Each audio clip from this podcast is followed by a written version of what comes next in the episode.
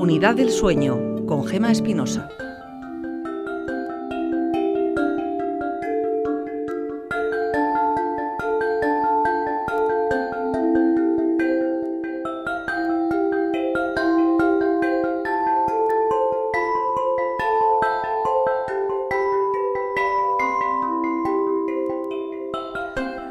El sueño es como una columna vertebral, en ella se asientan el resto de las funciones. Si la columna se tuerce, se desequilibra la cadera, te duele el cuello y el resto del cuerpo se va compensando de mala manera. Dormir es igual. Si falla el sueño, poco a poco van fallando el resto de las funciones. Dormir reduce la creatividad y la productividad, nos hace más enfermos y menos felices, porque dormir permite reparar los daños, regenerar los tejidos dañados, eliminar toxinas y ordenar todo lo que hemos aprendido durante el día.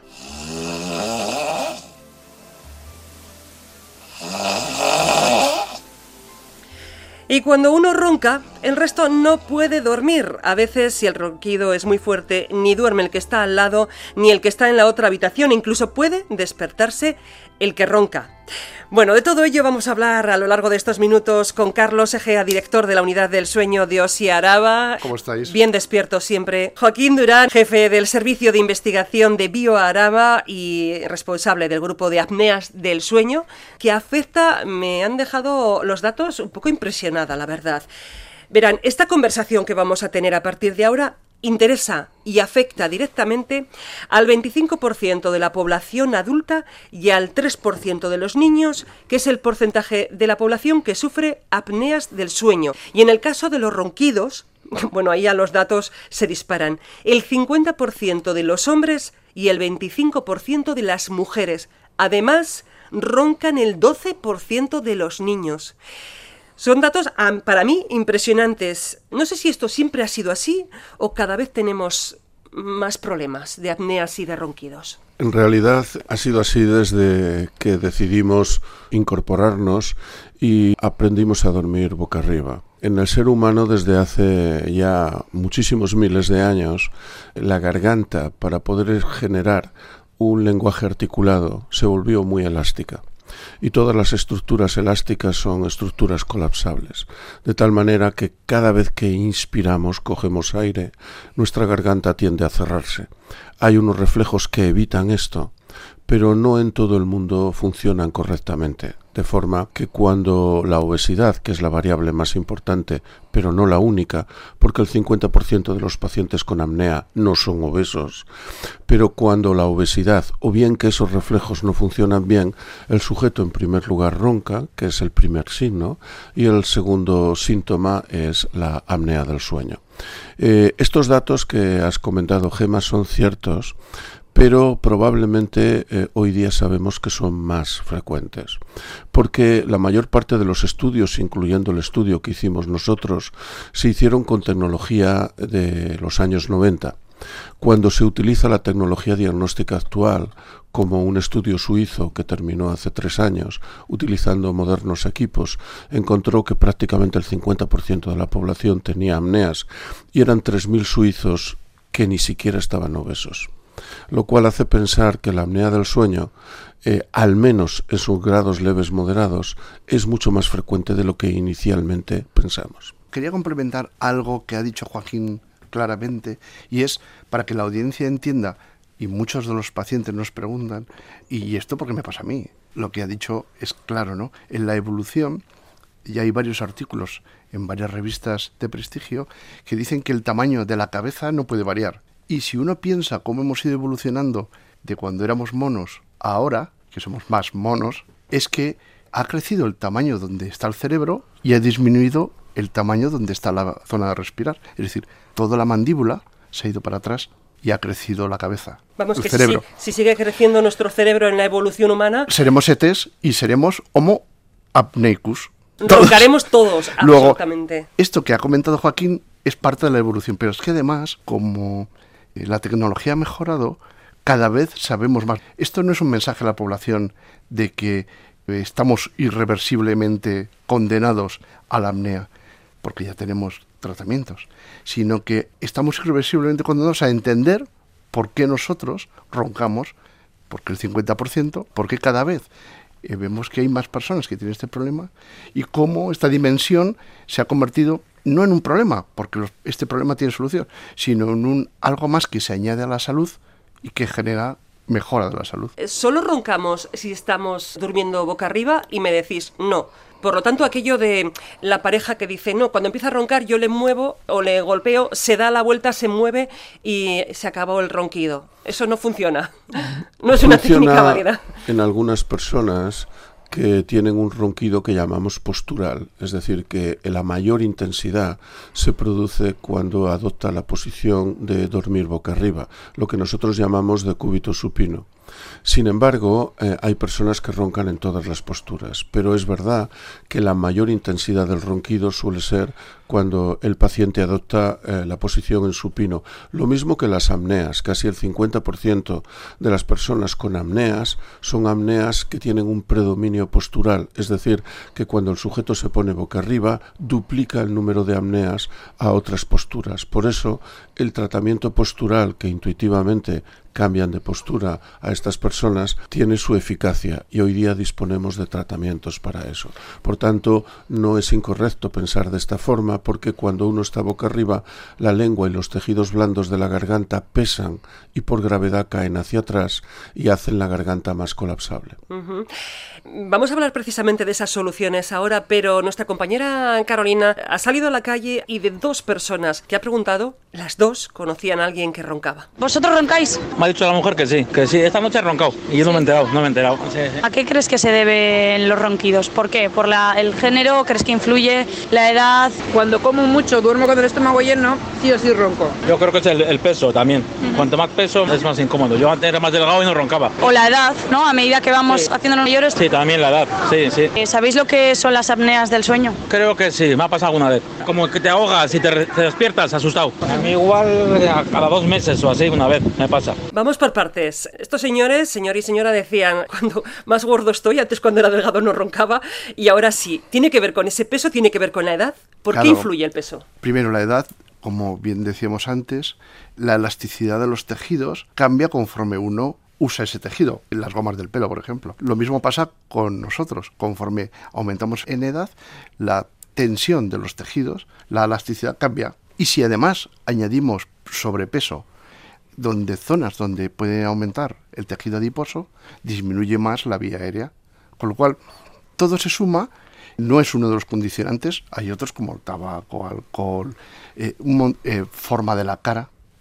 Si tú tienes la mandíbula retraída hacia atrás, la probabilidad de que cuando te duermas boca arriba disminuya el paso de aire y se produzcan apneas es mucho mayor. Es decir, que una suma de cosas, edad, peso, forma de la cara, otros condicionantes, contribuyen a esto, que es dejar de respirar y eh, a veces le llaman la enfermedad del oyente, porque solo se da cuenta la El persona que está al lado. El de al lado.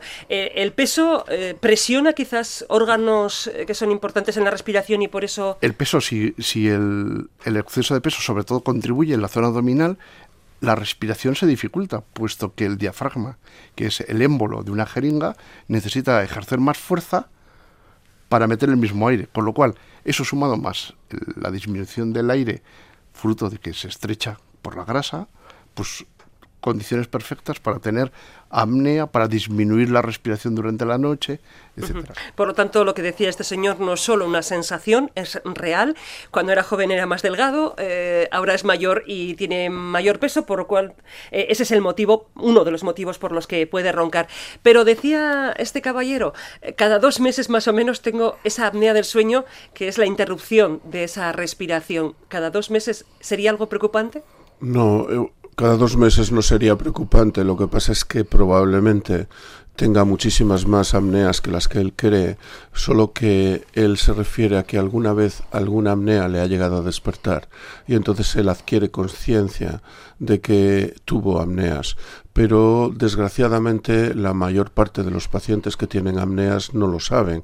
En esta ciudad que llevamos 30 años estudiando la apnea del sueño y que por tanto hay una sensibilidad muy potente en la población, la mayor parte de la gente sabe lo que es y hemos llegado a diagnosticar en torno al 30% de la población. Pero eh, estudios americanos y otros estudios europeos que han tenido menos sensibilidad para este problema estiman que solo el 10% de la población con está diagnosticada y tratada. Nosotros aún tenemos un trabajo que hacer, que es que nos queda un 70% adicional de pacientes que tienen apneas y no lo saben. Cuando nosotros decimos en una conferencia o en una charla la mitad de ustedes tienen apnea y no lo saben, lo que queremos decir es eso, que no es algo igual que la hipertensión, que uno no puede saber si tiene hipertensión o no hasta que no se toma la tensión y uno tampoco puede establecer el diagnóstico con certeza si no hace algún tipo de prueba de sueño, aunque si ronca y detectan que se para de respirar o tiene un cansancio no justificado durante el día, debe hacerse una consulta para hacer un estudio de sueño. Porque a veces eh, la pareja, hombre o mujer, puede que se haya acostumbrado de tal manera al ronquido que sea capaz de dormir. Ocurre en situaciones, yo me asombra cuando hay personas que en una habitación donde alguien ronca muy fuerte son capaces de dormir. Para mí es prácticamente imposible, pero al dormir su pareja, por ejemplo, esa persona nunca va a saber si tiene una apnea, si solamente sabremos que ronca, poco más. Con respecto a los ruidos, yo creo que aquí debería haber un productor musical, porque hay gente que se duerme justamente al lado del metro o de una estación de tren. Y ese ruido, si pasa a toda velocidad, también es relevante. Con lo cual, uno se puede acostumbrar a un tono rítmico, a una melodía, que es el ronquido, siempre y cuando no exceda 80 decibeles, que es casi una sirena de la policía. Ahí es imposible. Y además, se ha acostumbrado a que durante el principio de la noche, antes de dormirse, ella o él identifica que hay paradas del ronquido y entonces le hace cambiar de postura, o le da una patada, o le da un codazo, o le hace el... Que funciona a veces, ¿eh? es curioso que tú veas a tu pareja que se está ahogando y no hagas nada más que intentar tú dormir. Eso también es me sorprende, ¿no? Eh, pero es cierto eso. Sí, si no le das la importancia que tiene, Claro, eh, porque igual la persona ronca, pero no tiene somnolencia, 50% como ha dicho Joaquín, o no se levanta cansado, y entonces él lo único es que cuando va con los amigos o con su pareja molesta, pero él, muchos vienen traídos por su pareja, hombre o mujer, porque dice, a mí me han traído aquí. Pues, porque... me han dicho que ronco. Eso. Pero aviso navegantes, porque las apneas del sueño, lo has dicho Joaquín, eh, tiene unas consecuencias. No es solo que molestes a la pareja, unas consecuencias para la propia persona que ronca, que tienes apnea, que no es lo mismo roncar que tener apnea. Sí, eh, ahora me gustaría hablar de esto, pero quería hacer un inciso sobre el tema anterior, que es la percepción. Cuando nuestro cerebro, cuando nosotros dormimos, la percepción va bajando en función de aquellos sonidos que consideramos regulares o familiares y que por tanto no encierran ningún peligro, porque nuestro cerebro más primitivo atiende sobre todo a alarmas y a peligros. Por eso es muy frecuente que cuando alguien se queda dormido y empieza a roncar, igual frente a la televisión, se produce una discusión porque eh, a lo mejor ella o la pareja le dice, está roncando y él dice, no, porque estoy escuchando la televisión. Es cierto, sí suelen responder eso algunas personas. Esto es porque la desconexión del ruido, del ronquido, se produce antes que la desconexión del ruido de la televisión, que es un ruido más anormal desde el punto de vista cerebral. Pero el sonido respiratorio, el sonido del ronquido, el sujeto enseguida lo considera normal. También una pareja que tenga una buena relación entre sí puede sincronizar durante la noche, de forma que el sonido del ronquido de él o incluso las apneas sean familiares, se sincronizan y entonces no se detectan. Por eso nosotros siempre tenemos que hacer preguntas en profundidad para intentar detectar esto, porque depende de la percepción del otro y de la tuya misma saber si tienes apneas y a veces hay que ver signos indirectos. En cuanto a las consecuencias, lo que sabemos es que la apnea no es una buena noticia porque tener apneas, pararse de respirar repetidamente, sobre todo cuando es más de 30 veces por hora, que es lo que llamamos nosotros una apnea grave, 30 veces a la hora pararte de respirar. Cada dos minutos. ¿eh? Sí, incluso apneas de 50 o 60 segundos que hacen uh, muchos pacientes. Esto para el sistema cardiovascular no es bueno, porque supone una pérdida de oxigenación y luego una rápida recuperación de la oxigenación para luego en la siguiente apnea volver a perder oxigenación. Esto produce daño en el interior de las paredes vasculares, produce radicales libres, estrés oxidativo y una serie de alteraciones. Es la primera causa de hipertensión secundaria y está asociada a daño cardiovascular y cerebrovascular, es decir, ictus. Pero además genera problemas a nivel neurocognitivo, está hasta siete veces más riesgo de tener un accidente de tráfico. En España y en toda Europa está prohibido conducir con apneas del sueño si no ha sido tratado y una unidad de sueño no te ha certificado que ha sido tratado, siendo un conductor normal, mucho más un conductor profesional. Y es una ley que se estableció en España en 1993 y que ahora es una normativa europea para toda la Unión. Es decir, no se puede conducir con apneas si no te han certificado que puedes hacerlo. Fíjate qué importante, has hecho una cifra, 1993.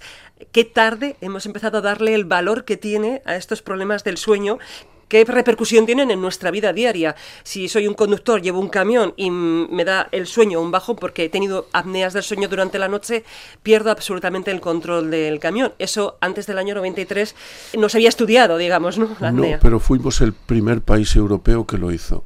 Es decir, la normativa europea sobre apneas del sueño no ha empezado hasta hace tres años prácticamente no existía nada en la Unión Europea. Fueron los estudios españoles eh, realizados en Burgos y Santander, fundamentalmente, que destaparon este problema con la Dirección General de Tráfico y fue cuando se creó esta normativa y en base a esta normativa ahora se ha creado una, una ley europea, pero así todo fuimos los primeros.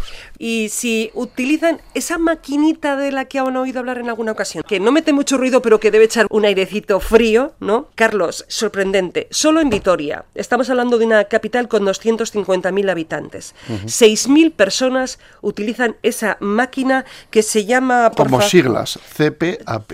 CPAP, CPAP, le llamáis. CPAP.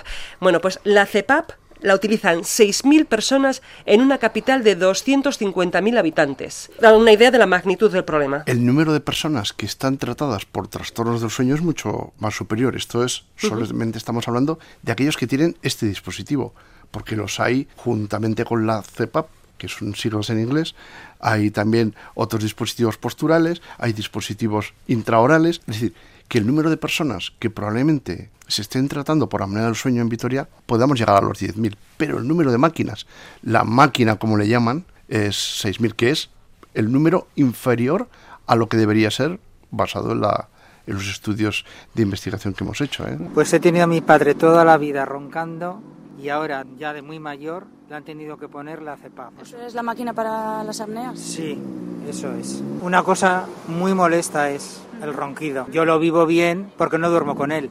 Pero mi madre, al casarse con él, primer día y días sucesivos, no sé cuánto tiempo tuvo que estar, con tapones en los oídos porque no podía pegar el ojo. Tengo entendido que hacen mucho ruido. Hace ruido, pero simplemente la de mi padre expulsa como un airecito, así. Un...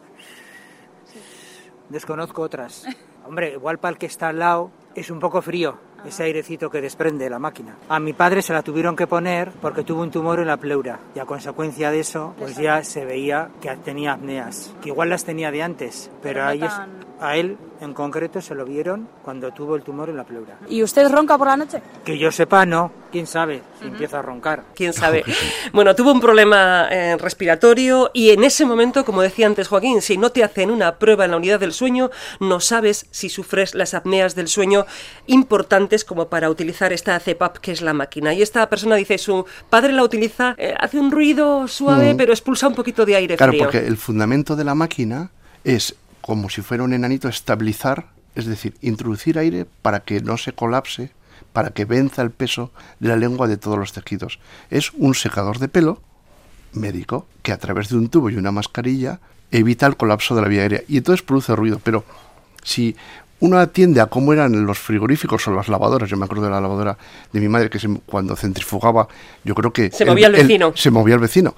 la evolución de los dispositivos médicos, concretamente de esto, cada vez va avanzando para que el nivel de ruido se adapte a las condiciones. De hecho, las licitaciones del gobierno vasco así es, tiene que tener un ruido y conforme vaya pasando el tiempo, los dispositivos serán más pequeños, menos pesos como las teles y con menos ruido. Y el aire que echa es su intención es evitar que se colapse la vía y por tanto mete un poquito de ruido y echa un poquito de aire. ¿Qué porcentaje de personas solucionan su problema de apneas con esta máquina, con la CEPAP? Prácticamente el 100%. Eficacia completa está en torno al 95%. Otra cosa es la tolerancia. Es verdad que estas máquinas producen un leve ruido, pero con las máquinas actuales, desde luego este ruido no tiene nada que ver ni con los ronquidos ni con las apneas en cuanto a molestia, y es un ruido que si no hay fugas es prácticamente imperceptible. Es decir, si el paciente tiene una mascarilla bien adaptada, es imperceptible. Otra cosa es cuántos pacientes aceptan este tratamiento. Este tratamiento, que en España siguen un millón de personas y en todo el mundo se estima 35 millones de personas en tratamiento con máquinas de CPAP es aceptado por el 9 de cada 10 personas. Cuando nosotros decimos, mire, usted tiene apneas en sus formas más graves, debemos de ponerle esta máquina, es rechazada por un 10% de la población y luego aproximadamente en todo el mundo es aceptado el seguimiento con un buen cumplimiento estimado como más de 5 horas al día en torno al 70%. Bien es cierto, y esto lo voy a decir yo porque Carlos es el jefe de la unidad de sueño, el porcentaje en Vitoria es mucho mayor.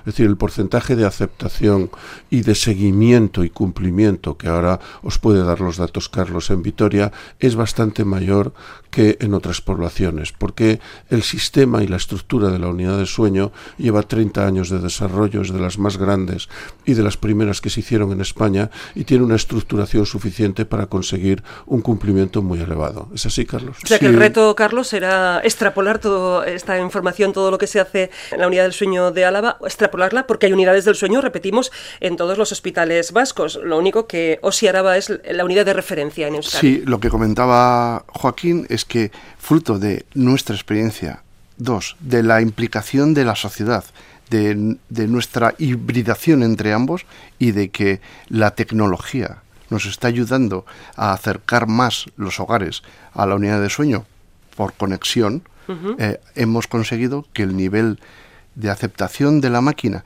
y sus efectos secundarios se reduzcan al mínimo posible. Ya sabéis que no todo va bien, pero cercano al 95% de aceptación, con buen cumplimiento y con niveles de presión suficientes para quitar la apnea. Con lo cual, bueno, bonito, barato, fruto de nuestra experiencia, de todo el badaje y de que la tecnología, la telemedicina, nos ha añadido una capacidad impresionante, que es tener todos los hogares controlados en un mismo momento, sin necesidad de desplazamientos, con conocimiento de lo que pasa día a día eh, es increíble. Cuando te ponen gafas, al principio cuesta hacerse la idea, uno se lo empieza poniendo un rato, luego le molestan, se las quita. Pues en el caso eh, de una máquina para dormir, posiblemente sea cuestión de insistir y saber que como las gafas te hacen falta, pues esa CEPAP te hace falta.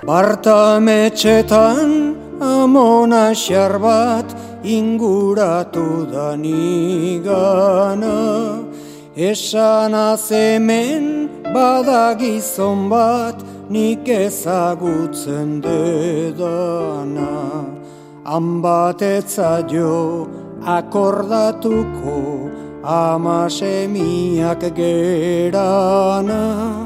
Nere petxuko bularretatik amaikatrago edana. Gaur ere pozik egingo diot nere aldezak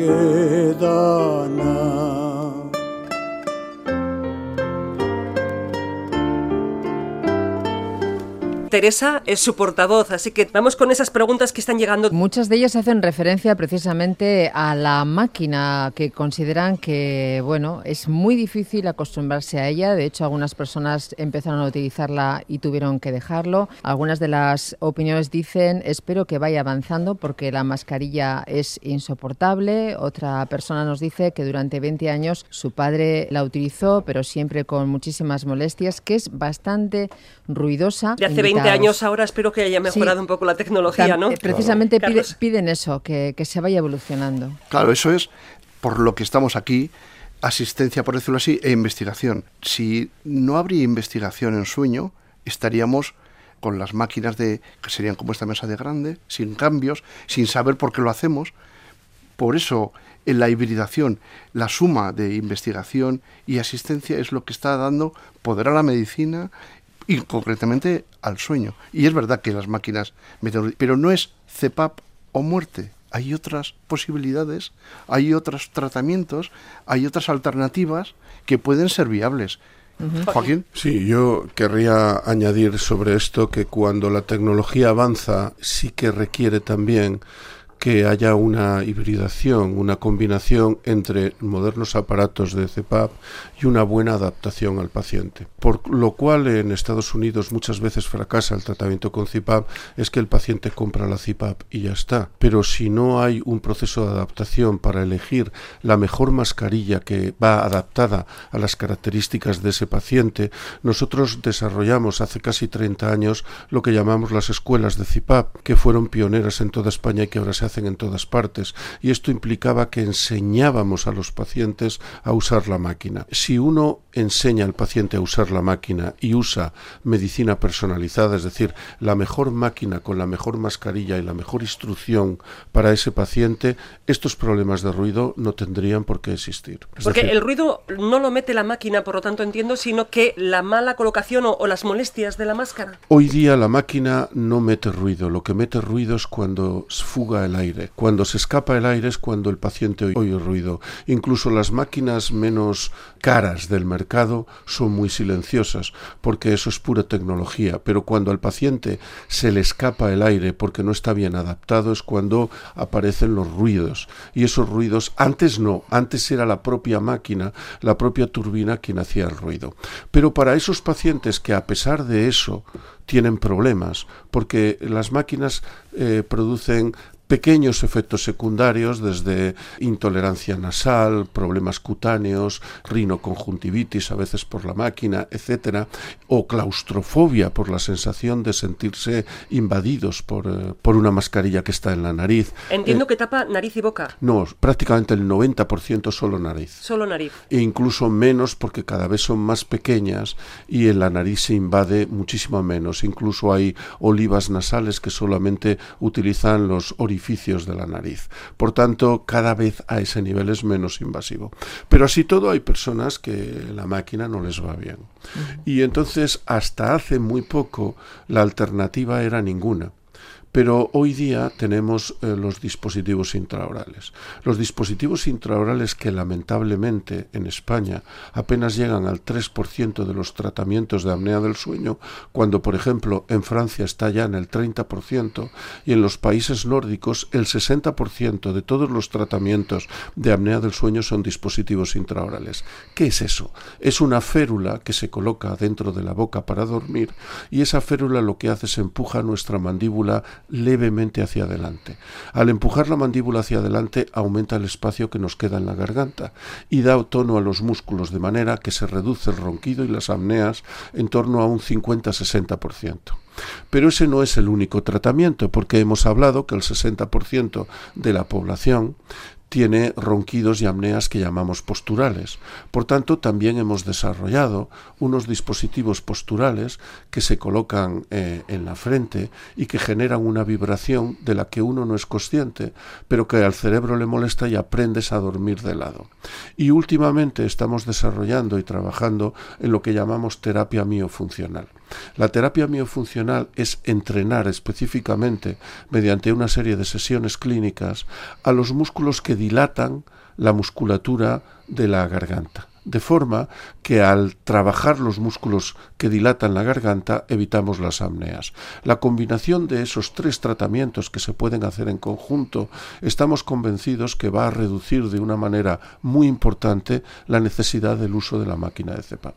Por lo tanto, Joaquín, responsable de la investigación, Carlos, responsable de la asistencia a los pacientes, si una persona realmente no puede dormir, porque dentro de ese 10%, en el caso de Álava menos, creo que habéis hecho una labor de divulgación interesante y eso también ayuda, pero ese 10% que en general no acepta la máquina, no se tiene por qué resignar, puede haber otras alternativas. Lo acaba de decir Joaquín, es que las Son hay. viables. Claro, eso es como ah, penicilina o nada. No, no, es que ahora hay un montón de fármacos que ayudan a tratar todas las posibilidades y hay gente que la penicilina es alérgica. ¿Y qué hacemos? ¿No le damos nada? Hay alternativa. Lo mismo para la CEPAP. Hay personas que no toleran la CEPAP, que es el mejor tratamiento por su robustez científica para esto. Pero tenemos dispositivos intraorales, posturales, alternativas de régimen de peso, de vida sana, deporte y incluso en investigación ya hay algún fármaco eh, que están probándose en el que parece que tiene posibilidades de ser uno de los tratamientos. La terapia miofuncional, alguien tocaba una flauta que se llamaba didgeridoo y vio que fortalecía la musculatura y que reducía las apneas.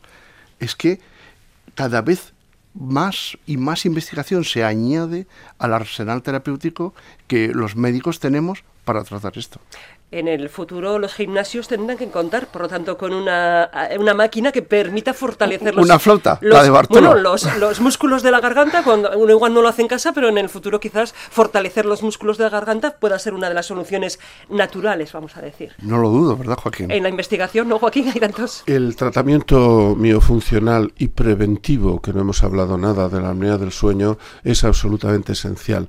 No hemos tocado el tema de los niños. Eh, si nuestro desconocimiento que ha habido en la apnea del sueño ha sido muy grande y ahora tenemos un buen conocimiento en el adulto, mucho más desconocimiento en la mujer y ya dedicamos un programa a hablar de sueño y mujer, pero en el caso de los niños es bastante escandaloso, es decir, hasta hace muy poco, casi nada, y en algunas comunidades nada directamente, los niños con apneas del sueño no se tratan. No se tratan porque no se diagnostican. Y sabemos que entre el entorno del 3-4% de los niños tienen apneas del sueño. Estudios realizados en la Universidad de Chicago han comprobado que estos niños pierden hasta 20 puntos de coeficiente intelectual.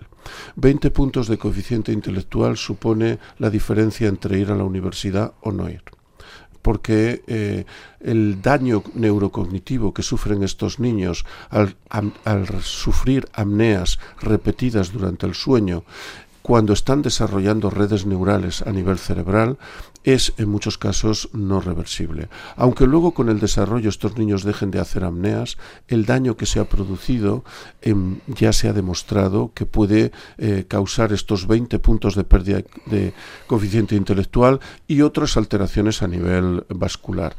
¿Cómo podemos prevenir la apnea del sueño? En primer lugar, la respiración nasal los niños deben de respirar nasalmente. Antes hablaba Carlos y tú también, Gemma, un poco de qué nos ha pasado. Eh, mandíbulas grandes y cuadradas ya no se ven las mandíbulas son pequeñas y hacia atrás. Eh, gran parte de la evolución en los niños que ha tenido que ver con procesos masticatorios blandos y muy fáciles, ya no comen bocadillos como comíamos nosotros cuando éramos pequeños y ya no comen comidas que haya que hacer procesos de masticación prolongados, sino lo que quieren es comidas sabrosas, rápidas y fáciles de masticar. Todo esto ha conllevado a procesos maxilares y mandibulares hipotróficos, es decir, que no se han desarrollado lo suficiente. Si tú a un cachorro de mono le coses las alas nasales, inmediatamente desarrolla la mandíbula. Es decir, que el proceso de la no respiración nasal es un problema realmente importante. Nosotros vemos continuos respiradores nasales. Todos esos niños que van con la boca abierta, esos adultos que están con la boca abierta siempre, que son respiradores bucales, esto favorece de una manera clara la aparición de apneas. En estos niños, por ejemplo, tratamientos, no solo la cirugía de las amígdalas, sino la expansión del maxilar, se va a venir a llamar como un tratamiento tremendamente eficaz en la apnea del sueño y que ya aquí se hace y se hace en muchos sitios. Pero la prevención, cuidado con los niños que respiran bucalmente, siempre tenemos que ver cuando un niño respira por la boca, hay que ver por qué la respiración normal debe ser nasal y siempre en cualquier niño que lucha por respirar, que hace un cuadro de esfuerzo para respirar, siempre debe ser evaluado. Pero yo quiero complementar con lo que dice él, porque yo creo, y, y así lo hicimos en un proyecto que se llamó Moisés, porque vimos que si somos capaces de identificar a los niños y cambiar lo que va a ser su futuro, roncadores, apneicos, iniciando, viendo si si son roncadores, interviniendo cirugía amidalar o expansión maxilar, es posible que cambiemos el rumbo de lo que hasta ahora estamos viendo, porque haremos gasteiztarras más listos, lo ha dicho él, es cierto, y con menos problemas de salud, porque el mantener la salud, que es un tesoro, y lo único que estamos pretendiendo nosotros es que toda la población mantenga la salud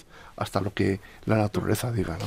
Teresa. Pues mira, algunas de las preguntas por arte de magia las han ido poco a poco contestando nuestros invitados. Quedan algunas todavía, como por ejemplo si el tabaquismo influye en esos ronquidos y en otros procesos de alteración del sueño. Pues sí, el tabaco es un irritante crónico de la garganta y como irritante crónico es un proinflamatorio, es decir, genera una inflamación de la vía aérea. El tabaco no causa apneas, pero las agrava. Lo mismo que el alcohol. El alcohol lo que hace es que nosotros tenemos un reflejo que unos milisegundos, es decir, unas décimas de segundo después de que contraemos el diafragma para respirar, dilatamos los músculos de la garganta para facilitar la respiración.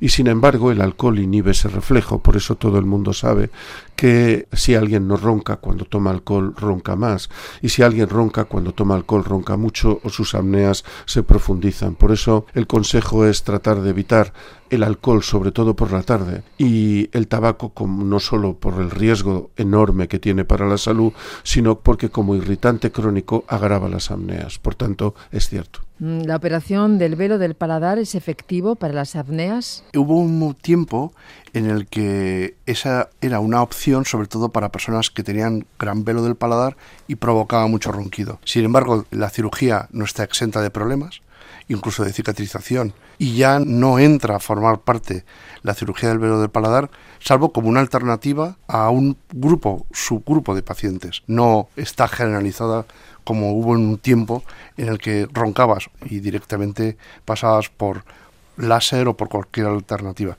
Ya no es una alternativa, salvo como arsenal terapéutico para un determinado grupo de pacientes seleccionados y que precisa eso. Es algo muy concreto. Si está pensando en operarse, no sé quién le habrá dado la opción, pero pase siempre por la unidad del sueño. De hecho, hay tres mensajes de tres personas que han pasado precisamente por la unidad del sueño. Uno de ellos nos dice eh, qué profesionales y gracias por esa profesionalidad. Para agradecer también la presencia de nuestros invitados y también están entrando otras opiniones que hacen referencia precisamente a que el uso de la máquina les ha cambiado, les ha cambiado la vida para mejor, efectivamente. Hay una opinión que dice yo tengo rinitis alérgica y se me inflaman las fosas nasales, se me seca y se llena de mucosidad, lo que le provoca esas apneas. ¿Cómo podríamos encauzar este problema? Rinitis. Podría ser un factor agravante. Es difícil que una rinitis sea en sí mismo un factor causal pero si a alguien se le obstruye la nariz, la presión que tiene que hacer para respirar puede hacer una presión negativa mayor y puede facilitar que haga más apneas. Pero afortunadamente hoy la rinitis tenemos métodos de tratarla.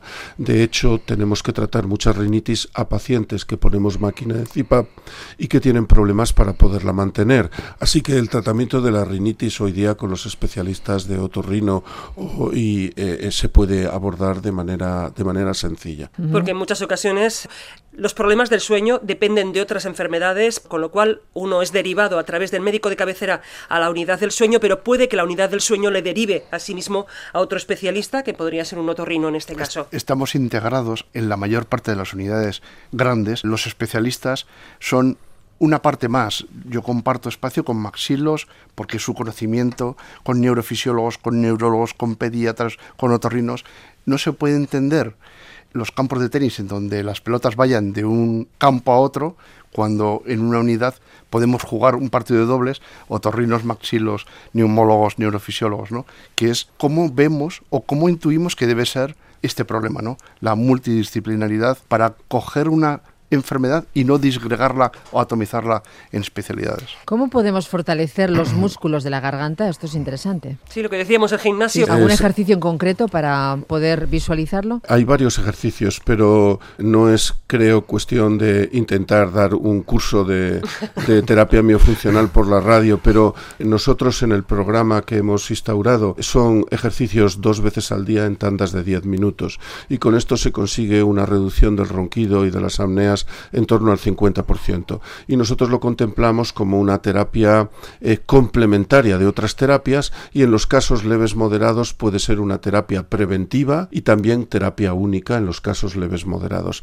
Hay algo que sí que me gustaría añadir y es, bueno, ¿cómo sé yo si tengo apneas? ¿no? Nosotros solemos jugar con un término de cinco variables, que es si una persona ronca habitualmente, si le han visto que se para de respirar durante el sueño, si tiene cansancio o somnolencia y no sabe a qué atribuirla, si tiene antecedentes de hipertensión o enfermedad cardiovascular y si esta persona le han dicho que aprieta los dientes o que tiene bruxismo.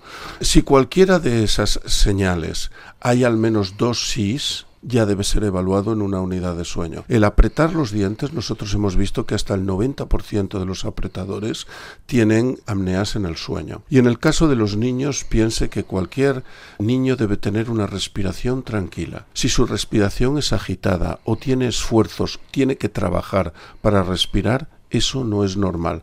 No me refiero a un niño que está con una pesadilla o que está con un sueño agitado, sino un niño que está durmiendo y que tiene que luchar, que trabajar para respirar, debe ser evaluado porque eso no es normal. Es curioso porque cuando uno está cansado, dice, bueno, no tengo, no tengo motivos y estoy muy cansado, pues se puede mirar la anemia, la tiroides, pero quizás uno mismo no piensa nunca en una apnea del sueño como uno de los problemas que provoque ese cansancio. Por eso la importancia de este espacio de divulgación de nuestros dos expertos, Carlos Egea, director de la Unidad del Sueño de OSI Araba, Joaquín Durán, responsable del Servicio de Investigación de BioAraba y responsable del Grupo de Apneas del Sueño.